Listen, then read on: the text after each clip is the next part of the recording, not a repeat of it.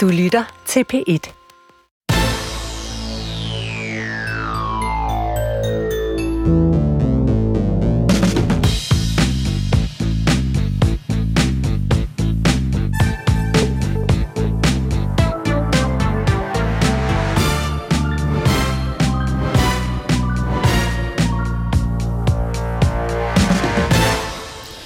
Goddag og velkommen, Anja C. Andersen. Goddag. Astrofysiker på dit kontor på en hylde i din reol inde på Geologisk Museum. Der står der en figur af sådan en helt øh, særlig mand med et stort og vildt hår. Det er ikke Boris Johnson, kan jeg afsløre. Nej, det er Einstein. Og han har sådan en lille solpanel, som gør, at han kan bevæge armen, og så prikker han med fingeren på hovedet. Og han står der simpelthen for at minde mig om, at jeg skal huske at bruge hovedet, når jeg er på kontoret. Er det noget, der er svært at glemme? Med dit fag, tænker jeg. Nej, det er det vel ikke, men det er meget godt, at Einstein minder og en om det, fordi nogle gange så laver man jo sådan nogle dumme fejl, hvor man sådan sidder og tænker, ej, det kan simpelthen ikke være rigtigt. Du ved, jeg glemte at dividere med to og helt enkle ting. Og så er det meget godt at kigge over på Einstein og tænke, ja, ja, jeg skal nok tage mig sammen.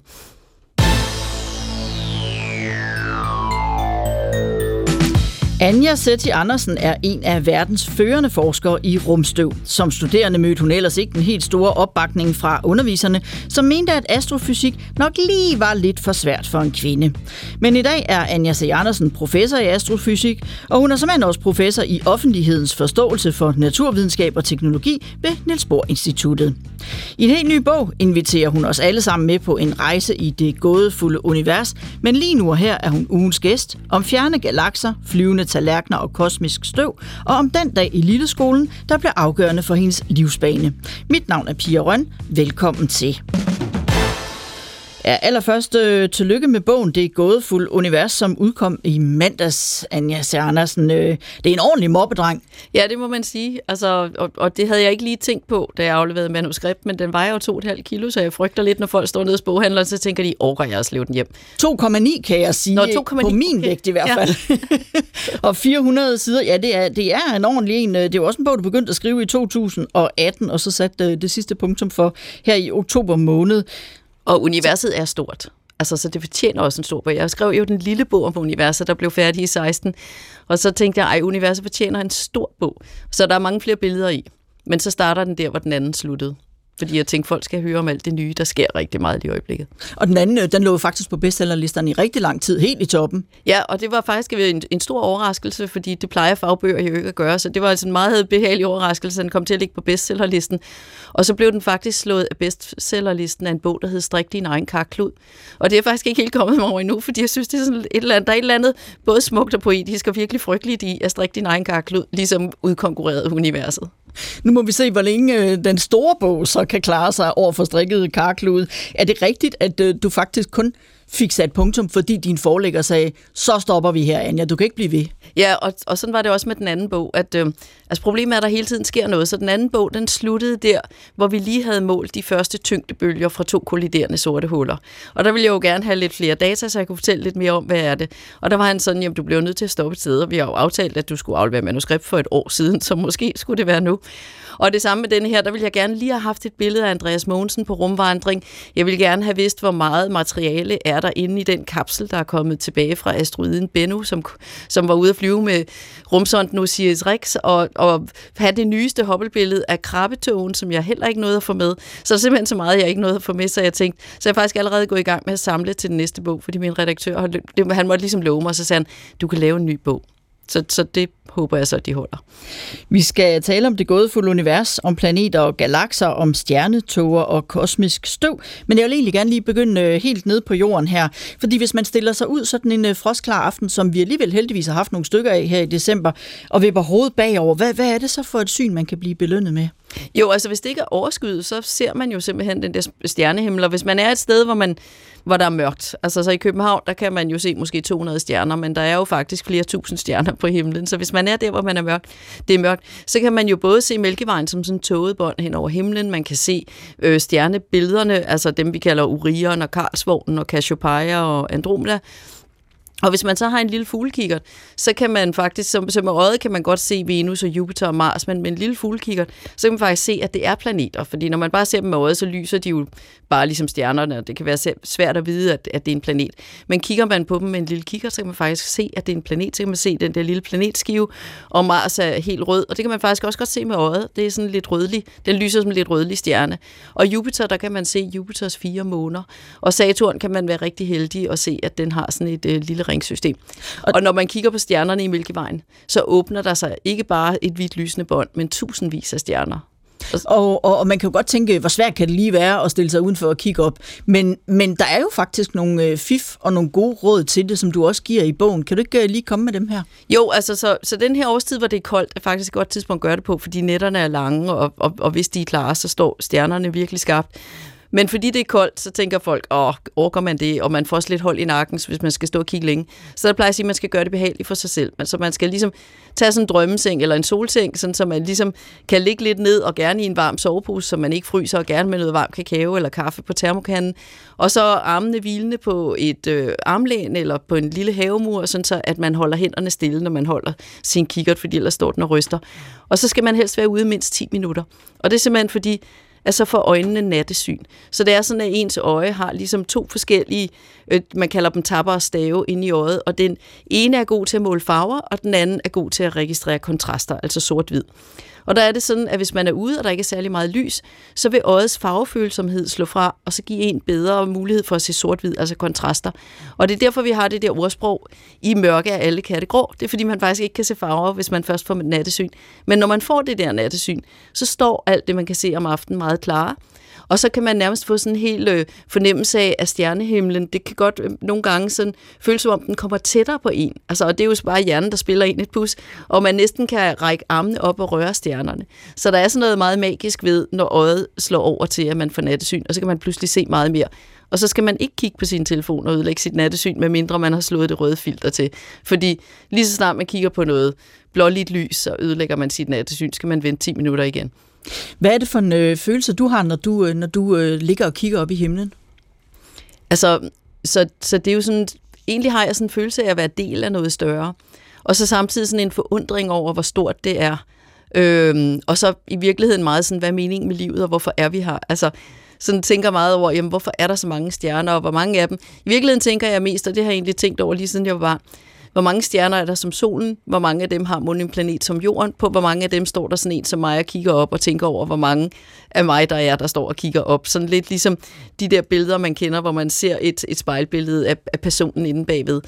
Fordi der jo faktisk, det kan jo faktisk godt være, at der står en ligesom mig og står og kigger op på samme tidspunkt og tænker over, om jeg er også, også er der og står og kigger op. Er du også øh, typen, der jagter nordlys? Fordi det, det har vi jo haft her i Danmark på det seneste.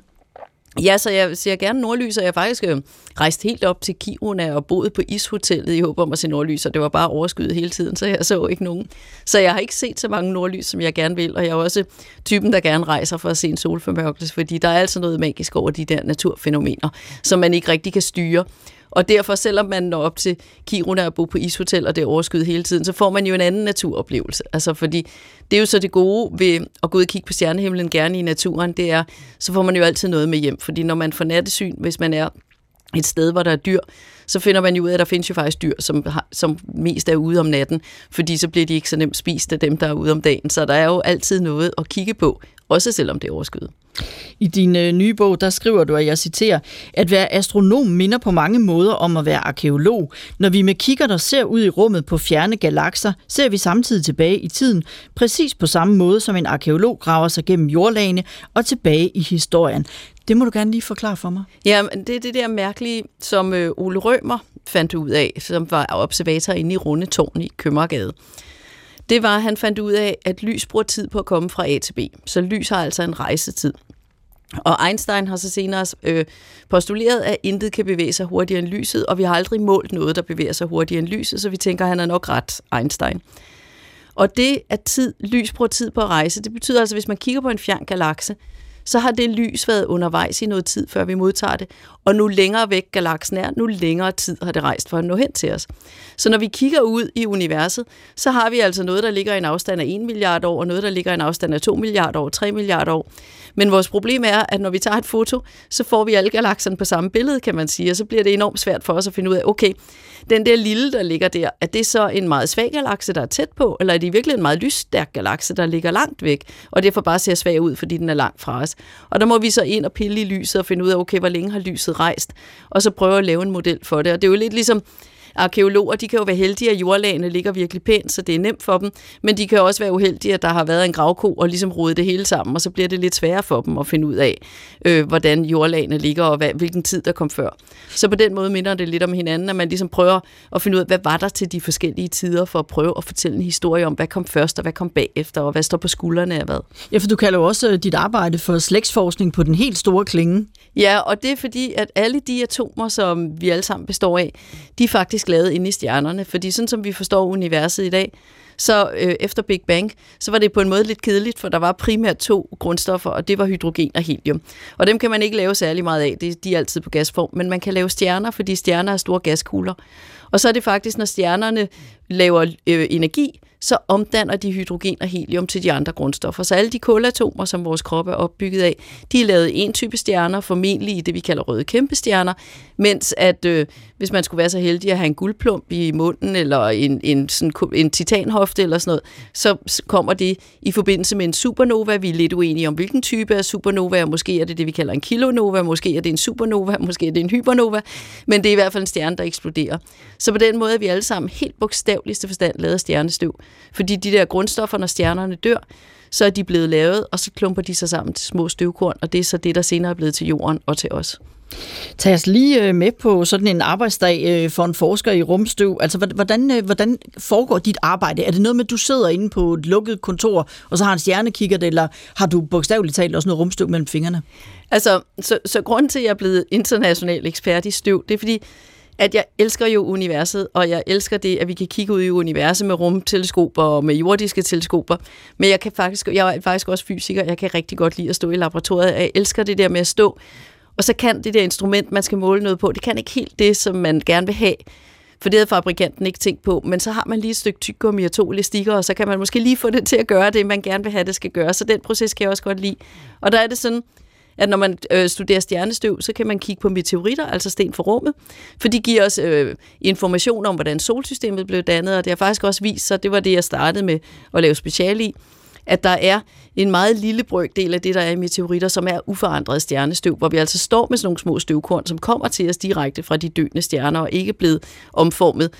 Og så og samtidig så bruger jeg computer til at regne computermodeller om, om hvordan kan de her, øh, det her støv så blevet dannet og sammenligner det med observationer, som så typisk kommer fra kikkerterne nede i Chile, eller fra rumteleskoper, og det er sådan, at støv kan man bedst få øje på i det, vi kalder infrarød, altså varmestråling. Så der bruger vi faktisk mest satellitdata. Så jeg har faktisk stået, brugt flere timer i laboratoriet, end jeg har brugt ved kikkerterne, fordi det meste af det data, jeg har, det kommer op fra rumteleskoperne. Ja, for jeg vil lige til at spørge, hvordan ser det støv ud? Kan du se det anderledes end det støv, der ligger hjemme på min region, hvis jeg ikke har fået, øh, fået gjort rent? Øh, og, og hvor får man egentlig det her rumstøv fra? Ja, så man, man får det fra, fra meteoritterne, og lige når man bare kigger på det, så ligner det jo almindeligt støv, så man bliver nødt til at kigge på det med sådan nogle store mikroskoper, vi kalder dem transmissionselektronmikroskoper eller scanningselektronmikroskoper, øh, hvor man kan se krystalstrukturen, og så bliver man nødt til at måle det, man kalder isotopsammensætningen. Så man skal faktisk ind og opløse støvkornet og finde ud af, hvad for nogle atomer er det lavet af, og så kan man være heldig, at atomsammensætningen er anderledes end på jorden, og så kan man sige, så er vi helt sikre på, at det er rumstøv. Nu kan man godt forestille sig, at der var meget rumstøv, som i virkeligheden minder om det på jorden. Og så er spørgsmålet altid, hvordan har man behandlet sin prøve? Har man sørget for, at den var ren nok, kan man sige, sådan så at hvis man finder noget, der minder om jordisk støv, kan man så lægge hovedet på blokken og sige, jeg ved, at det ikke er støv, jeg har med ind i laboratoriet. Jeg ved, at jeg holdt mit laboratorium helt rent. Den her prøve er helt ren. Så det, jeg ser, det er faktisk det, der kom fra rummet helt uforfalsket. Og det er en kæmpe stor udfordring. Altså, det er jo, hvordan undgår man at forurene sin prøve, fordi at selvom man gør sig umage, så har man jo fedtfingre og sådan noget. Ikke? Så, så der, der skal man virkelig være omhyggelig. Og der kan man jo så godt tænke, hvis man får noget rumstøv, så er det jo nok øh, kommet hertil under de mest sikre foranstaltninger. Men sådan er det ikke altid, kan jeg forstå.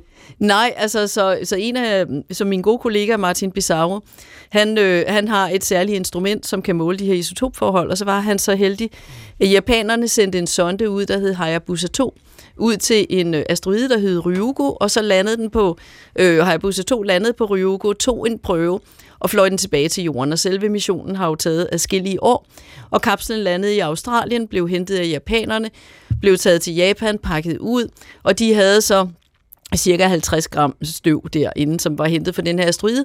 Og så er det sådan, så kan vi alle sammen skrive en ansøgning til japanerne, hvor vi siger, giv mig et gram støv, så kan jeg lave den her skønne undersøgelse, så jeg kan finde ud af det her om asteroiden. Og så sidder de simpelthen ligesom og, og laver sådan en vurdering af, når hvad for nogle undersøgelser vil være mest interessant, hvis vi skal prøve at forstå, hvad det er, vi kigger på. Og Martin Bizarro, han havde så skrevet, og så havde han fået at vide, at han ville få noget rumstøv.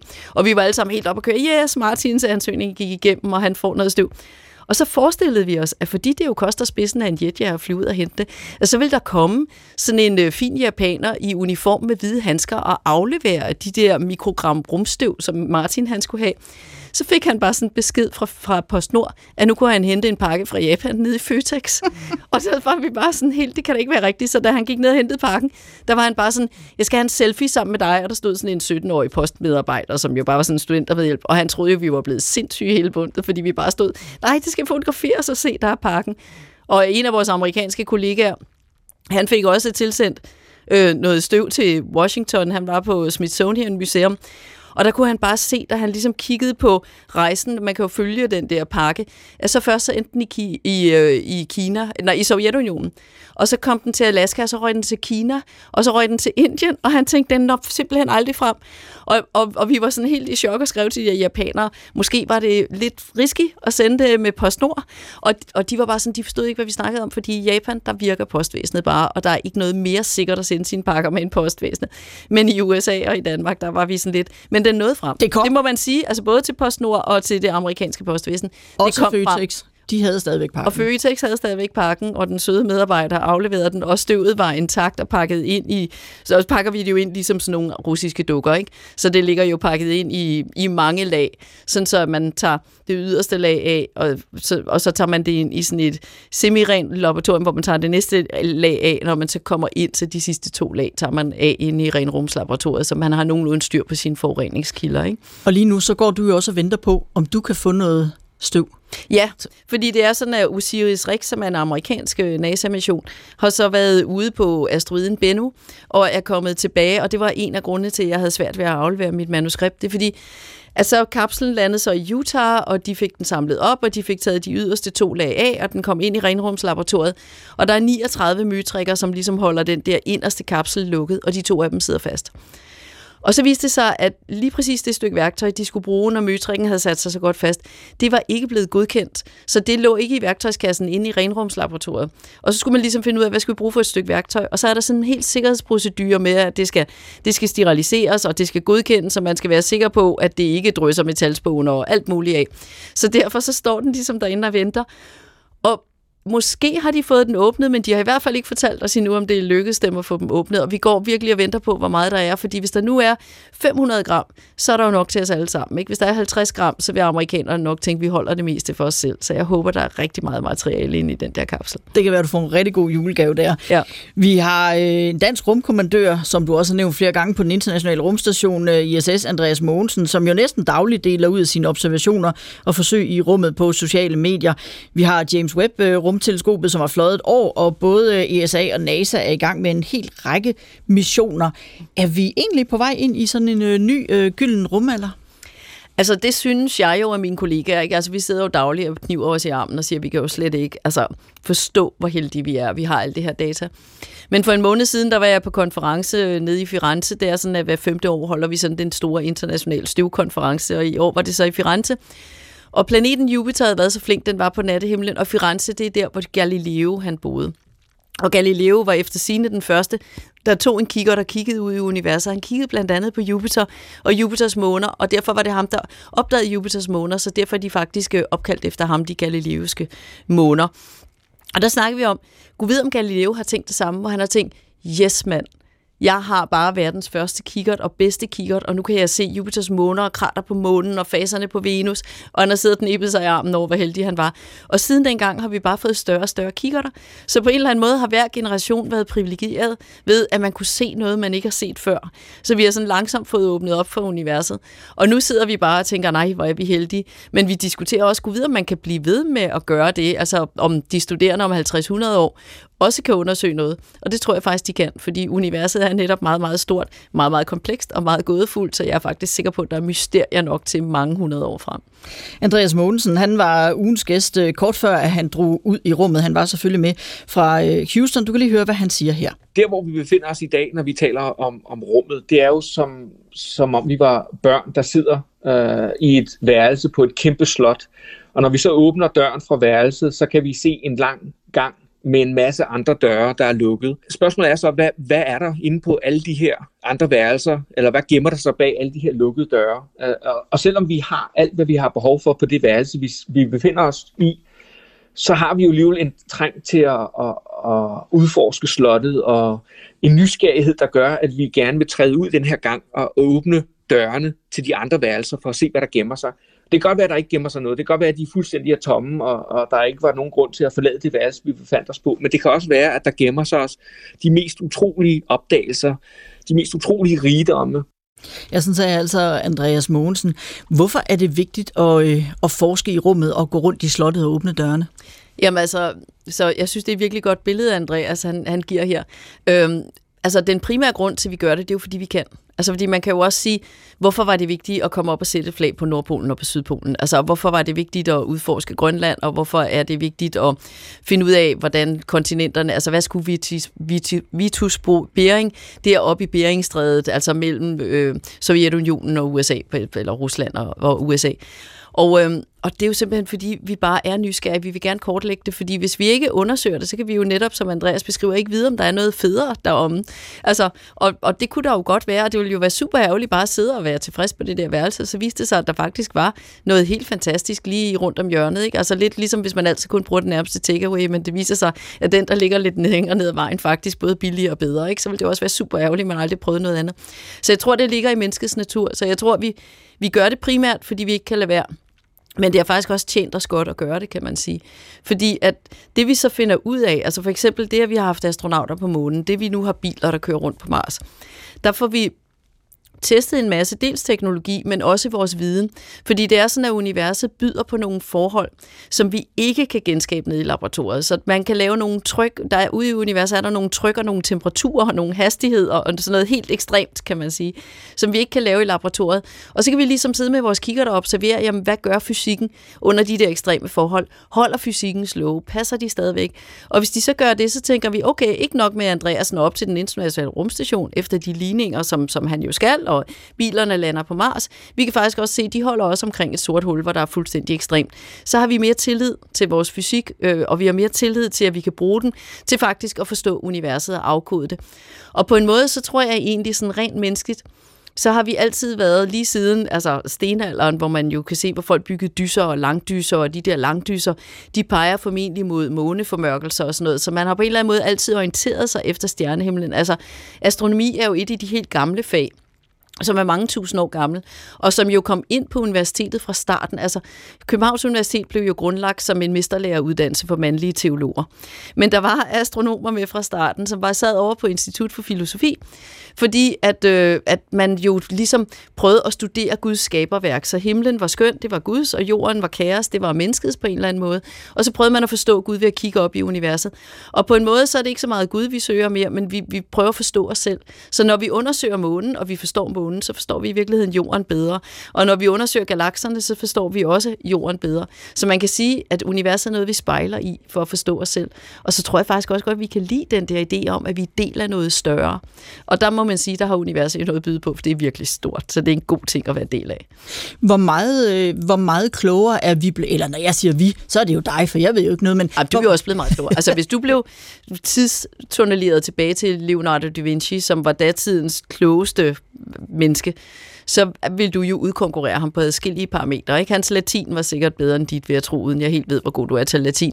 Men der er jo rigtig mange ting, som han slet ikke vil vide, som vi har fundet ud af senere. Altså så selv sådan en helt gennemsnitlig folkeskoleelev med to i snit, hvis de blev tunneleret et par hundrede år tilbage, så ville de jo simpelthen være det omvandrende geni. Altså, så vi er alle sammen blevet klogere.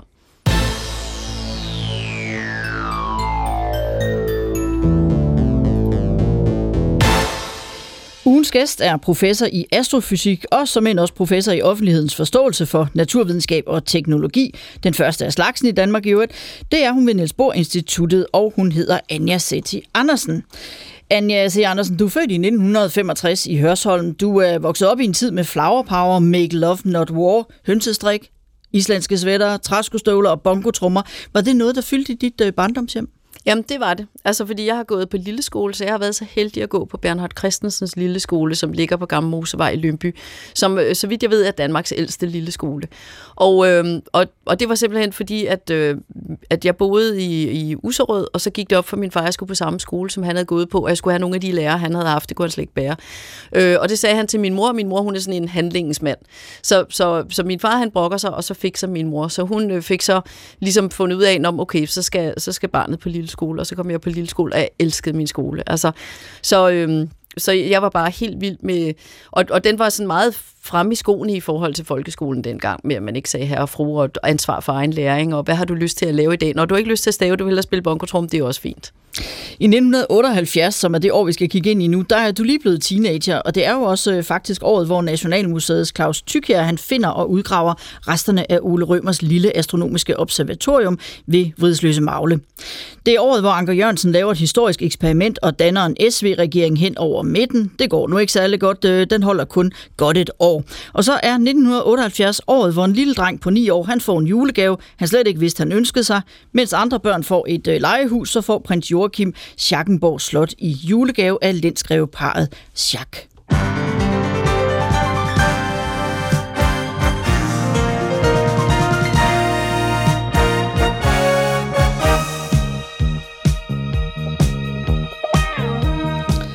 De her, de bor ikke på et slot, men de bor på en kæmpe ranch. Bobby, JR og Sue Ellen, som vi kaldte hende, i den stenrige familien Ewing. Det er noget, vi elsker at følge med i. Alle deres intriger er vi klar på på tv.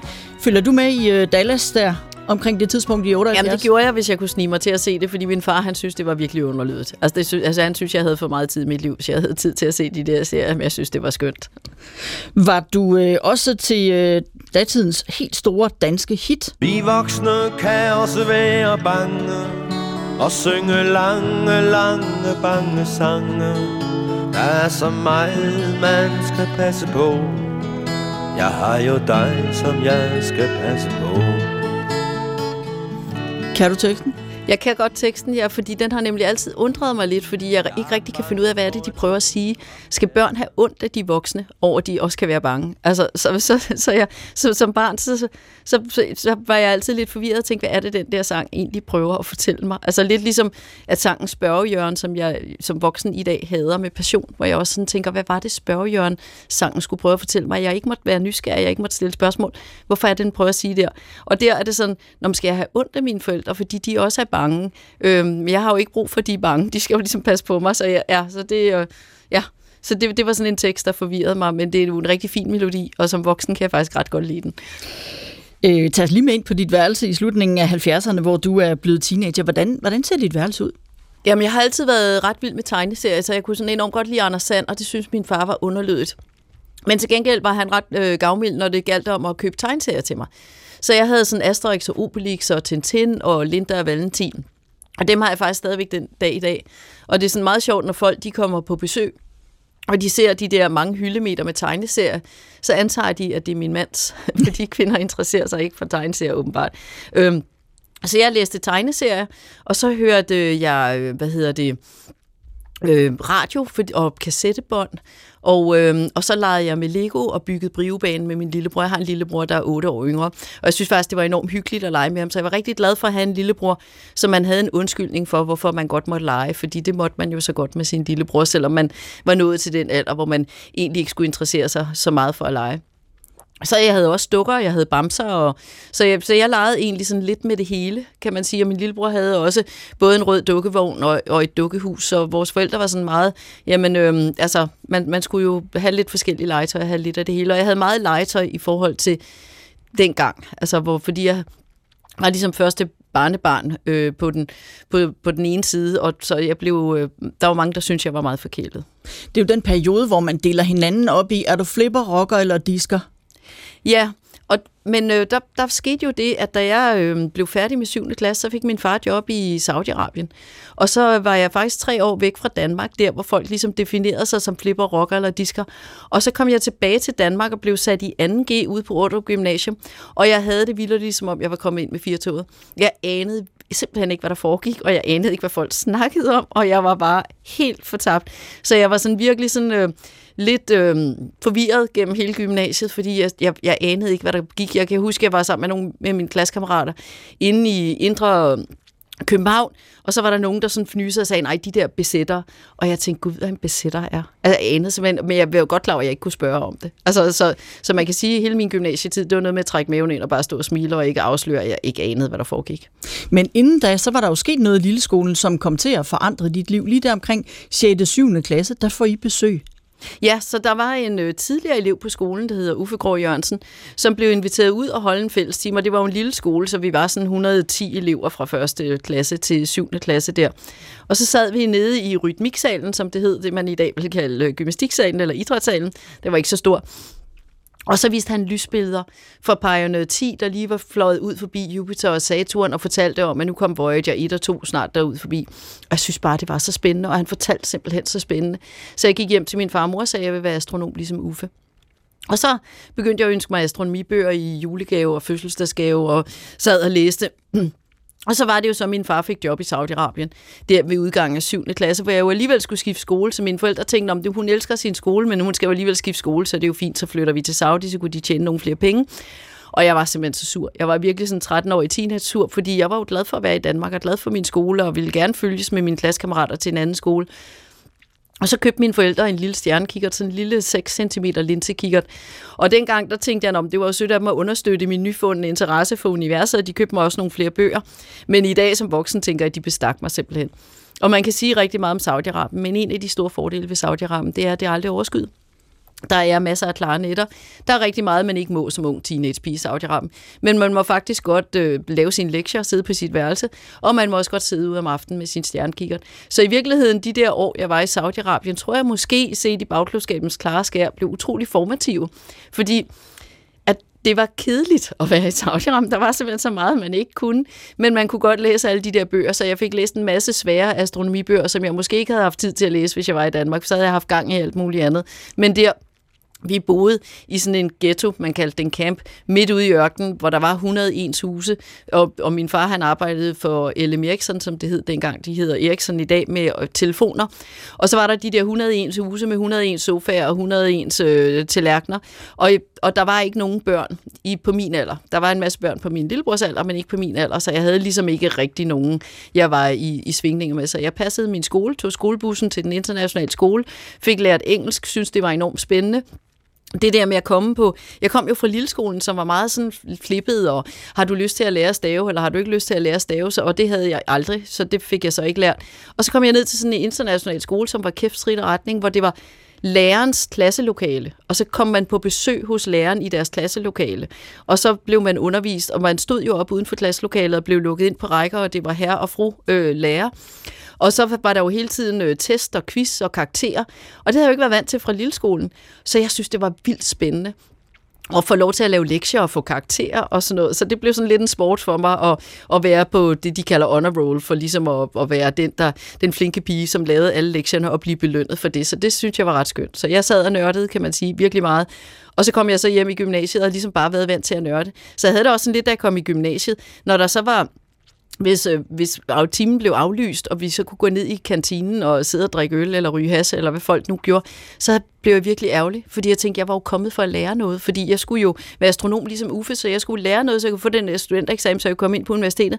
Så jeg sad bare og var sådan lidt småfornærmet at tænke, ej, nu spilder jeg min tid ved at sidde nede i kantinen, og de andre synes jo, jeg var virkelig mærkelig, fordi jeg ikke bare synes, det var fedt at få to fritimer, og så være lidt social med dem. Ikke? Så jeg har været en lidt underligt gymnasieelev. Men du spilder jo så ikke øh, din tid i gymnasiet med at blive voksen, fordi øh, du flytter hjemmefra allerede, mens du går i gymnasiet. Hvad handler det om? Du pakker din øh, stjernekikker i dit dukkehus. Det siger ja. også noget om, hvor, hvor ja, du ikke har været helt men, voksen alligevel. Nej, men det, det er så i virkeligheden også, at uh, min mor er meget handlekraftig, og vi havde haft et eller andet skænderi, og så havde jeg bare sagt, at jeg kan ikke holde ud at bo sammen med jer, jeg flytter hjemmefra. Og så da, du ved, jeg kom hjem næste gang, så fik jeg at vide, om hun havde fundet en lejlighed tre gader længere nede, hvor, hvor jeg kunne flytte hen, og så var jeg pludselig flyttet ud. Så, øh, så det er ikke altid en fordel at have en handlekraftig mor, der tager en på ordene.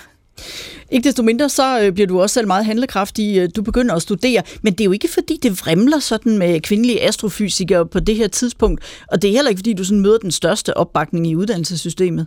Nej, altså så det var enormt fedt at komme på universitetet, fordi så mødte jeg jo en hel masse ligesom mig, som jo nogen, faktisk også nogen, der havde mødt Uffe i andre sammenhænge, så, så vi var flere, der var blevet inspireret altså ham på Lille skolen. Det var ham fra Lille skolen, så han har været ude på andre skoler og fortælle og, og hvad hedder det, inspirere. Og så kom jeg jo ind med nogen, som også gerne ville være astronomer, og som også synes det var spændende og sådan noget. Og det var enormt fedt at komme ind i et miljø, hvor det var okay at være, som jeg var, og, og man ikke var mærkelig, fordi alle de andre var mærkelige på den samme måde. Men samtidig så havde jeg altså, så var der også nogle lærere på Niels Bohr Instituttet, som jeg må sige, jeg er glad for, at jeg blev pensioneret, fordi de havde altså nogle virkelig mærkelige holdninger. Altså, jeg sidder nede til sådan en forelæsning i kvantemekanik, en af de første, hvor, hvor læreren så står og siger, eller underviseren, han siger, ja, der er jo kun... Øh, Øh, 25 procent af jer, der er egnet til at blive fysikere, så jeg ser det som min fornemmeste opgave, at jer det ikke er hurtigt finder ud af det, så I ikke spilder jeres tid. Og jeg har endnu til gode at se en kvinde iblandt dem. Ikke? Altså, hvor man sådan tænker, okay, hvorfor, hvorfor står du og siger det? Altså, du, du har aldrig mødt mig. Og, og jeg havde... Øh, en studiekammerat, der hed Marianne Vestergaard, og vi skulle så lave laboratorieøvelser. Første gang vi står nede i laboratoriet derover for Svend Holm, som underviste i det, så kigger han på os og siger, sådan nogle, kvinder, sådan nogle piger som jer, i kan jo ikke lave eksperimentel fysik. Og vi stod der i vores gummistøvler og cowboybukser, islandske svitter med fedtet hår. Og vi troede faktisk ikke, han talte til os, så vi stod faktisk og ventede os om, fordi vi tænkte, der måtte være nogen bagved. Vi anede ikke, hvad han talte til. Det viste sig, at det var os, fordi han havde sådan en idé om, at vi kunne nok ikke. Og vi, vi stod og tænkte, og så sagde vi til ham, hvorfor siger du det? Så siger han, I kan jo ikke lide at få snavset negle. Og så tænkte vi, hvor ved du det fra? Altså, du ved, vi er her jo, fordi vi synes, det er spændende. Du ved, vi kan også godt finde ud af at hænge et pendul op, ikke? Men så blev så så vi er begge to faktisk øh, i dag professorer på Niels Bohr Instituttet, fordi vi er begge to sådan nogen, som trives i at svømme op imod strømmen. Ikke? Så hvis vi får at vide, at der er noget, vi ikke kan, så bliver det sådan lidt små motiverende, og så kigger vi på hinanden og smøger ærmerne op og tænker, okay, så må vi jo så bare arbejde hårdt på at vise, at det kan vi godt. Ja, for det gik jo meget godt, det der med at blive professor i astrofysik. Nu er du så også professor i det, der hedder offentlighedens forståelse for naturvidenskabelig teknik, øh, naturvidenskab og teknologi ved Niels Bohr Instituttet. Det er en titel, du fik i 2017 som den første af slagsen i Danmark. Hvad indebærer det? Jamen, så det er sådan en titel, som er meget kendt i sådan, øh, England og USA, hvor man er professor of public understanding of science. Så det indebærer i virkeligheden, at man på en eller anden måde tager på sine skuldre, at man er den, der skal vekselvirke med, med befolkningen og politikere og alle mulige, som vi gerne vil have, opnår en bedre forståelse for, hvad det er, naturvidenskab kan. Så det er i virkeligheden både sådan noget med at deltage i almindannelsen, og sparke ind i debatten og, og, og, og, og være sådan øh, lidt aktiv. Så, så hvad hedder det? Altså for eksempel Neil deGrasse Tyson, som er i USA, som folk måske har hørt om, eller Brian Cox, som er i England. Det er så mine nærmeste kollegaer, kan man sige, fordi jeg er den eneste, der har den i Danmark. Og jeg håber jo faktisk, at Aarhus Universitet, eller Aalborg, eller RUK, eller DTU også kunne tænke sig at have sådan en, så vi blev et par stykker, der kunne løfte den der byrde sammen. Men i virkeligheden er det bare mest at minde folk om, hvad naturvidenskab egentlig er, og, og hvad det kan. Altså, fordi der er overraskende mange fordomme. Altså, blandt andet det der med, at de tror, når man så sidder man helt alene og nørder inde på sit kontor. Mens forskning for de fleste af os faktisk er noget, vi laver sammen. Altså, og det er noget, vi laver i fællesskab. Og jeg møder faktisk også unge kvinder, som siger til mig, om det der naturvidenskab, jeg vil hellere noget med mennesker, så derfor så går de så ind i sundhedsuddannelserne. Og det er også rigtig godt, for det har vi også brug for. Men naturvidenskab er faktisk også noget med mennesker, fordi det meste af det, vi udvikler inden for naturvidenskab, det bruges jo faktisk til at gøre livet bedre for mennesker. Altså, det er jo alt muligt, lægerne også kan bruge. Og lad os så lige uh, høre uh, endnu et klip med astronauten Andreas Mogensen, uh, fordi da han var ugens gæst kort før opsendingen til den internationale rumstation, der fortalte han, at han også har en personlig mission. Det, der er vigtigt for mig, det er, at vi også får rollemodeller, der er videnskabsmænd og forskere og videnskabskvinder også for den sags skyld. Øh, men altså folk, der arbejder med videnskab og teknik, øh, fordi forhåbentlig så øh, gennem det, så kan vi få inspireret flere børn og, børn, øh, og unge til at, at følge den karrierevej også. Er du øh, enig i det, at det er vigtigt med nogle naturvidenskabelige forbilleder? Ja, det, det er det, øh, og jeg prøver jo også selv at, at være et, kan man sige. Men det er jo også noget med at... Altså, jeg kunne godt tænke mig, altså, at der i min gymnasietid, så at være sådan en, som jeg var det var jo ligesom, det, der var ligesom, jeg, jeg var jo hverken flipper, eller, altså, så, så jeg var ikke cool på nogen måde, og jeg havde ikke nogen at spejle mig i. Og der er jeg jo øh, så heldig i dag at være, hvad hedder det, formand for videnskabsklubben og formand for unge forskere, hvor vi jo faktisk prøver at skabe et rum til dem, som også gerne vil det. Så det er jo ikke sådan, at man nødvendigvis kun behøver at være nørdet. I virkeligheden give børn en mulighed for at være sådan lidt mere hele mennesker, og måske i virkeligheden arbejde imod den der tendens, der er til, at man hurtigt putter folk i, når du er sådan en til fodbold, eller du er sådan en til ballet, eller du er sådan en rumnørd. At man faktisk kan få lov til som barn at være lidt det hele. Og nogle gange, så kan man om onsdagen være rumnørd, men man kan faktisk godt om torsdagen spille fodbold, og om lørdagen, så kan man være sådan en, der sidder og computergamer. Ikke? At, øh, og, og, men det kræver jo, at der er et tilbud, og det ligesom bliver til noget. Så derfor er jeg virkelig glad for at være del af unge forskere og videnskabsklubben, sådan så at, øh, at vi kan give nogle tilbud til de børn, som har lyst til det, og det kan blive legitimt, at, at det må man også godt, for det har vi jo brug for, der også er nogen, der interesserer sig for. Stinus øh, Lindgren, han er Ph.D. i bioinformatik, og så er han i øvrigt også øh, forskningsordfører for de radikale i Folketinget. Her skal vi høre, hvad han har at sige. Her har vi en, der både er en, en exceptionelt dygtig forsker, øh, arbejder med noget vanvittigt spændende støv, og som er god til at formidle, hvad det er, hun laver, og hvad andre forskere laver på en måde, som alle, så alle folk kan forholde sig til det. Den kombination, at forskere ikke bare er sådan nogen, der lever i deres egen verden, men er ligesom alle andre, den er vigtig.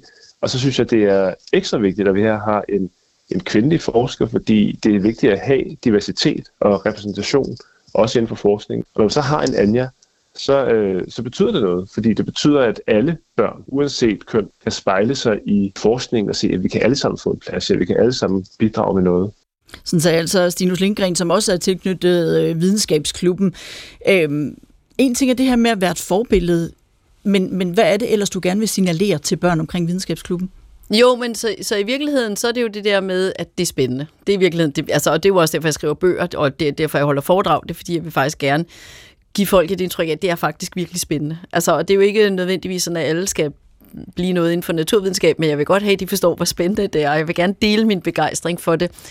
Men, men når jeg, det, jeg synes også, det er vigtigt, når man så er rollemodel, at man så også er ærlig omkring, hvad man selv synes er svært. Så jeg plejer faktisk, når jeg er ude på gymnasier, øh, og jeg snakker med øh, folkeskoleelever, og nævne, at jeg selv er delvis ordblind, og at Eske Villerslev faktisk også er delvis ordblind, og en lille smule mere end mig, så jeg kan faktisk rette nogle af hans stavefejl. Det er jeg meget stolt af. Det kan jeg stort set aldrig, når jeg får e-mails fra folk. Fordi jeg synes, det er vigtigt, at børn og unge, specielt i den her kultur, hvor, man, hvor, man, hvor der er sådan en tendens til, at de tror, at vi alle sammen er perfekte, og os, der er voksne, vi har virkelig bare hele tiden vidste, hvad vi ville. Og min egen historie kan jo godt være sådan lidt en turn-off, det der med, om da jeg var 13, så vidste jeg, hvad jeg ville, og så blev jeg det. Altså, du ved, og Andreas Mogensen er jo lidt det samme. Han har altid vidst, at han ville være astronaut, siden han blev født og Så blev han astronaut, og så kan børn og unge ting, jeg ved faktisk ikke rigtigt, hvad jeg vil, og så er jeg måske fortabt. At man ligesom også siger, nu skal I høre, vi, er, vi kæmper alle sammen med noget. Altså, der, der er nærmest ikke nogen, der ligesom har haft en nem lige vej. Altså alle, der har været et eller andet, som, som de har kæmpet med. Men det kan man godt. Altså hvis man ligesom ved, at... Altså man kan jo sige, hvordan kan man skrive bøger, hvis man er delvis ordblind? Jamen det kan man jo så ved, at man snakker med sin redaktør om, hvor man siger, du kommer på arbejde, og måske skal du ansætte en, der kan hjælpe dig, fordi at jeg skriver lange, jeg skriver ligesom jeg taler, og det er ikke til at holde ud og læse, så jeg skal have nogen til at hjælpe mig med at gøre det til skriftsprog. Ikke? Og nu er jeg jo blevet så gammel og har øvet mig så meget, og det er jo så en anden lære, det er, hvis man øver sig rigtig meget, så bliver man faktisk bedre. Og der er det klart, at det, man har svært ved, det skal man faktisk øve sig meget mere. Altså har man svært ved at slå koldbøtter, så må man øve sig ekstra meget på at slå koldbøtter. Men det er jo ikke det samme, som man aldrig kan lære det. Det kan godt være, at man ikke bliver helt lige så god som de andre, men man skal nok få det lært, hvis man øver sig.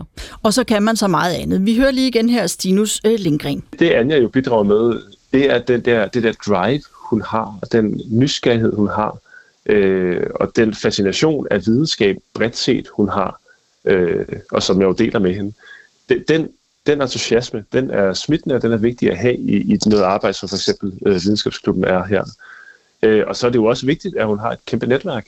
Hun kender jo forskere øh, internationalt, men i det her tilfælde mere vigtigt øh, i Danmark, øh, og fagfolk og alt muligt andet, man kan, man kan trække på og hive ind og blive klogere af. Øh, og det er vigtigt. Er det din øh, entusiasme for viden, som også har gjort, at du har sagt ja til arbejdet i videnskabsklubben? Ja, jamen det er det. Og så i virkeligheden også, fordi jeg er simpelthen så misundelig på de der børn, der går i videnskabsklubben, fordi jeg ville have ønsket det fandtes, da jeg var ung. Ikke? Det gad jeg godt. Så derfor så tænker jeg, at hvis man så kan få lov til at give give børn det, man ikke øh, man, man drømte om selv at have haft, men som ikke fandtes. Altså ligesom den lille bog om universet, da jeg skrev den, så skrev jeg faktisk også den bog, jeg gerne selv ville have kunne finde på biblioteket, dengang jeg var 13 år. Altså så man kan sige, jeg skrev til min egen 13-årige indre begejstring øh, for universet.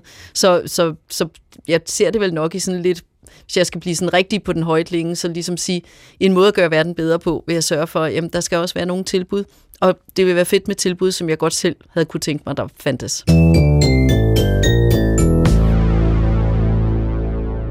Dr. Paul Bergsø, hvad mener de om disse tallerken-teorier og historier? Jeg mener, at man er ude for en masse suggestion, en masse indbildning. De amerikanske bøger, der taler om, er, så vidt jeg kan se, har de en slags uh, Jules Verne-stil, uh, tilbørligt tilpasset vores tids trang til hypersensation og invasionsfrygt og sådan noget.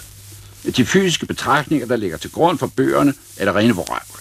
Der tales om magnetiske kraftlinjer fra den ene planet til den anden og sådan noget. Men det er der jo mange mennesker, der ikke forstår og så læser de en avisartikel uden at tænke sig om. Ja, sådan lød det i 1950, da statsradiofonien i programmet Aktuel Kvarter følte sig kaldet til at advare naive borgere mod at tro på sådan noget som UFO'er og flyvende tallerkener. Tror du på UFO'er, Anja C. Andersen? Jamen altså, jeg vil sige, at jeg har et åbent sind, så, så jeg tænker, det er nok rimelig umuligt, fordi at universet er så stort, og hvis Einstein er ret, at intet kan bevæge sig hurtigere end lyset, så er afstandene så store, sådan så det tager bare frygtelig lang tid at rejse. Ikke? Så, så hvis, altså lige nu, hvis vi skal rejse til vores nærmeste nabostjerne med den bedste rumraket, ingeniørerne kan bygge til os, ikke? som jo flyver med 100.000 km i timen, så det er jo ikke, fordi den er langsom, men så tager det os altså 100.000 år at komme hen til Alpha Centauri, som er vores nærmeste nabo kommer vi op på lysets hastighed, så tager det fire år. Og det er stadigvæk en ret lang køretur, kan man sige, fire år. Det er kedsomligt. Og skal vi bare ind til vores egen galakse, Mælkevejens centrum, derind, hvor stjernerne er, så tager det 25.000 år. Ikke? Altså, så, så det der med at rejse virker ret umuligt. På den anden side, så må man jo også være åben for, at det er ikke sikkert, at vi har forstået det hele. Og man kan konstatere, at der er folk, der ser ting. Der er faktisk øh, militærinstallationer, der måler ting på deres radar, og, og øhm, jægerpiloter, som man må antage er vant til at se ting flyve rundt op i atmosfæren, som ser ting, som, som de ikke rigtig kan forklare. Og der må man jo være åben over for at sige, så lad os finde ud af, hvad det er, og lad os se, om vi kan måle på det. Og jeg tror, at sandsynligheden for, at det er UFO, er utrolig lille, men man skal være åben for, at det kan være det, fordi lidt ligesom det der meget fine eksempel, Andreas Mogensen havde med, at hvis man gik, kiggede ned ad gangen, og så var der alle de der spændende rum, det ville jo være super ærgerligt, hvis der sad en alien inde i det der rum, som vi kunne komme i kontakt med, og vi så bare gik forbi uden at åbne døren. Så derfor så synes jeg, det er vigtigt at undersøge. Men jeg vil også lige sige, at det var dejligt at høre Paul Bergsø, fordi af en af de bøger, jeg fik fra mine forældre, som en af de første astronomibøger, det var Paul Bergsøs bog, der hedder Verdensrummet og vi, og den har jeg stadigvæk, og den har jeg elsket. Og så var det jo sjovt at høre sådan en gammel optagelse, dengang man måtte bruge nogle meget, meget lange, komplicerede ord i radio, øh, statssymfonien, eller hvad det hedder, statsradiosymfonien. Og den havde også lidt den der krasserlyd, fordi det var øh, indspillet ja. på en lakplade, det gjorde man jo dengang. Ja, plus at, at men, men jeg vil nøde, altså en af de ting, som forskere jo så gjorde dengang, det var, at man ligesom dissede alting og sagde, at det er også bare fordi befolkningen er for dumme. Og det synes jeg faktisk ikke er helt rimeligt. Altså man bliver nødt til at tage folk alvorligt, og, og det ville jo være fantastisk, hvis de var der. Så jeg synes, vi skal undersøge det. Jeg tror, sandsynligheden er meget lille, men den, den er ikke helt nul. Du er medvært på podcasten Flyvende Tallerken og har sammen med Frederik Dirk Skotlib fuldt høringerne i den amerikanske kongres her i sommer. De høringer, hvor tidligere fremtrædende militærfolk vidnede under ed om deres oplevelser med UFO'er eller UAP'er, som de nu kaldes i USA. Lad os lige høre et klip fra høringen. Her er det den tidligere efterretningsofficer David Gross, som i sit vidneudsagn har sagt, at øh, de amerikanske myndigheder er i besiddelse af UFO'er. You've stated that the government is in possession of potentially non human spacecraft. Based on your experience and extensive conversations with experts, do you believe our government has made contact with intelligent extraterrestrials? Something I can't discuss in public setting. If you believe we have crashed craft, uh, stated earlier, do we have the bodies of the pilots who piloted this craft? As I've stated publicly already in my News Nation interview, uh, biologics came with some of these recoveries. Yeah. Were they, I guess, human or non human biologics? Non-human. Øh, Øh, den tidligere efterretningsofficer, han vil altså ikke svare på her i den her kongreshøring, om regeringen har været i kontakt med levende væsener. Han, men han fortæller, at der i nedstyrtede UFO'er er fundet biologiske rester, som ikke stammer fra mennesker. Det er jo mildt sagt øh, temmelig sensationelt, at kongressen overhovedet har sådan en øh, høring. Hvilke tanker gør du der efter at have fulgt de her høringer? Jamen altså, at jeg blev altså, mere og mere mystificeret, kan man sige, og samtidig så hilser jeg utrolig meget velkommen, at vi faktisk skal diskutere det åbent. Altså fordi hvis vi ligesom skal til bunds i det her, så bliver vi jo nødt til at kunne tale om det. Og det der med bare at slå hinanden oven i hovedet og sige, ah, at det er helt useriøst, og det skal vi ikke snakke om. Det giver jo ikke en god dialog. Men i virkeligheden at lave sådan en afsøgende dialog, hvor man i fællesskab siger, okay, hvad er fakta? Altså, hvad har vi målt? Er der noget af det, vi har målt, som rent faktisk kan fortælle os noget? Og der må jeg nok sige, at vi er der, hvor billederne er lidt for grynede, og der er lidt for få målinger. Men hvis vi er der, hvor vi så kan begynde at få det amerikanske militær, fordi de siger, at vi har flere målinger, men vi vil ikke dele dem med jer, fordi det kan sætte landets sikkerhed. Og at man så kunne sige, okay, kunne vi så få nogle sådan helt almindelige astrofysiske instrumenter på jeres skib, hvor vi får nogle data, som man godt må dele, altså som ikke siger noget om militærhemmeligheder, så kunne vi måske komme lidt til bunds i, er det et naturfænomen, som har noget med jorden at gøre, er det noget udefra, eller er det sådan et eller andet inde i hjernen, eller hvad er det egentlig, der foregår? Det er jo, altså, al naturvidenskab, vi bliver jo kun klogere ved så at lave nogle yderligere målinger. Altså, det er jo data, der skal afgøre, hvad der er rigtigt og forkert, og ikke hvad jeg synes, eller du synes, eller nogen andre synes. Senere, øh, der var der jo også øh, en stor høring i øh, den meksikanske kongres, og her der handlede det ikke kun om vidnesbyrd. Nej, der slæbte man også to små kister ind, hvor der lå nogle væsner i, væsner, som tilsyneladende øh, angiveligt var fundet i en mine i Peru. Faldt du ned af stolen, da de her væsner blev båret ind og tænkte, så har vi den? Jeg tænkte sådan, øv. Altså, fordi problemet med det her felt, det er jo, at, øh, at folk ikke tager det alvorligt på en eller anden måde, fordi at det var helt tydeligt jo ikke aliens. Så på en eller anden måde, så var det jo ligesom bare at kaste grus i maskineriet i den sådan lidt mere seriøse samtale, som vi er begyndt at få blandt forskere, hvor vi prøver at finde ud af, om, hvad er der ligesom fordi når det så kommer, så får man jo lidt den der sølvpapirhat, ikke? Øhm, som, som ligesom hører til. Altså, og jeg har faktisk... Øh, Så tror- dem, dem, dem giver du ikke øh, mange øh, chancer, de der væsner der? Nej, og, og så spekul, men så samtidig så bliver jeg sådan lidt nysgerrig på, hvorfor gør man det i den meksikanske kongres? Altså er det i virkeligheden sådan en afledningsmanøvre, fordi de har nogle andre problemer i landet, som, som så gør, at man ligesom får, kaster det der UFO ind i, sådan så at så afleder de opmærksomheden på noget, som, som befolkningen måske i virkeligheden burde interessere sig for. Og derfor er det et spændende fænomen, fordi at det tjener jo mange formål, og det er jo så det, vi prøver at afdække i podcasten, sådan alt fra, det kom jo frem under Trumps øh, præsidentperiode, det der med kongressen, ikke? Er det bare noget, Trump har fundet på, for ligesom at aflede kongressen fra noget, han i virkeligheden havde gang i, eller hvad der på spil, og, og snakker med militærfolk om, hvad der er op og ned, og kan man stole på de der mennesker, og, og hvornår når de så siger, fordi hvem som helst kan jo trække det der kort, hvor de siger, "Jamen, det må jeg ikke udtale mig om. Ikke? Er det så rigtigt, når de trækker det kort, at det må de ikke udtale sig om, eller er det i virkeligheden bare noget, de siger, fordi de har ikke noget at fortælle, og i virkeligheden er de lystløgner og sådan noget, og prøve at få lidt hoved og hale i det der. Ikke? Så, så, så er det også lidt mærkeligt, at det hovedsageligt er i USA, der er de her observationer. Jamen altså, der er jo faktisk også i Israel, og der er i Frankrig, og der er i Sydamerika, og, og, og faktisk også i Rusland.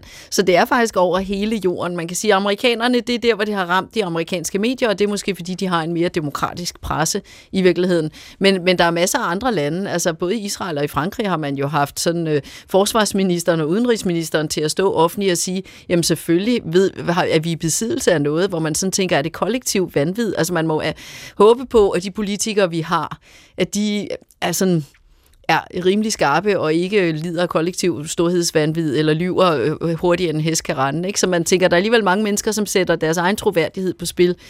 Og det må de jo gøre af en grund, og der er jo 100 skolebørn nede i Afrika, der samtidig har set noget og sådan noget. Ikke? Så der er jo nogle af de der observationer, eller 1000 mennesker, der samtidig har haft en observation og ringet til politi og brandvæsen og sagt, der er altså et eller andet virkelig mærkeligt her. Og det synes jeg jo ikke bare, man kan fejre bordet og så sige, nej, det er jo, I har uafhængigt af hinanden haft en psykose, fordi det er jo ret usandsynligt. Anja C. Andersen, øh, vi har talt om din forskning, om dit drive, om din fascination af rummet, men så er der vist alligevel også noget, der er vigtigere end kosmisk støv, kan vi forstå på Stinus Lindgren. Det er jo ikke øh, så længe siden, der sendte vi jo Andreas Mogensen øh, ud i rummet. Øh, og jeg var så heldig at være inviteret over at se opsendelsen i Florida. Øh, og der var Anja i starten lidt misundelig over, at jeg skulle over, fordi hun kunne ikke komme. Men når man så lige snakkede med det var jo faktisk en ret god grund til, fordi hun skulle være mormor for første gang. Og som hun sagde, altså Andreas er jo et dejligt menneske, men øh, hun vil ikke bytte sit, sit barnebarn for at se ham blive skudt afsted trods alt der var alligevel noget, der var større end det kosmiske. Ja, jeg vil sige, det er faktisk meget stort at blive mormor. Det er, det er ret skønt, fordi dels er det jo, altså baby er jo altid dejlig, ikke? men det er faktisk også utrolig skønt at se sit eget barn springe ud som kompetent forældre. Altså, fordi så, så bliver man så dejligt tryg på fremtiden som menneskehedens vegne og tænker, det skal nok gå. Inden du øh, præsenterer den musik, vi skal høre lige om lidt, så skal vi lige have rulleteksterne. Oline Kildegård, hun sad i redaktionen, Siv Søby produceret, og mit navn er Pia Røn. Nå, Anja C. Andersen, Allerførst, tak fordi du var ugens gæst. Du har jo været flere musikønsker igennem, øh, da vi talte om det. Først sagde du, hvad med David Bowie sang om Major Tom? Nej, det er også lidt trist. Hvad så med Pearl Jam's Black Hole Sun? Men du endte et helt tredje sted. Hvad er det, vi skal høre? Jamen, vi skal høre Selina Jen, som har skrevet øh, en sang, der hedder Milky Way, som er utrolig poetisk og smuk, og handler om, om universet, og hun er jo en fantastisk øh, dansk kunstner, og også er lidt nyere dato, så jeg tænkte, det, det skal være det nummer, fordi det er helt utrolig smukt. Og det er godt at lytte til, når man kigger op på stjernehimlen. I've been watching you from afar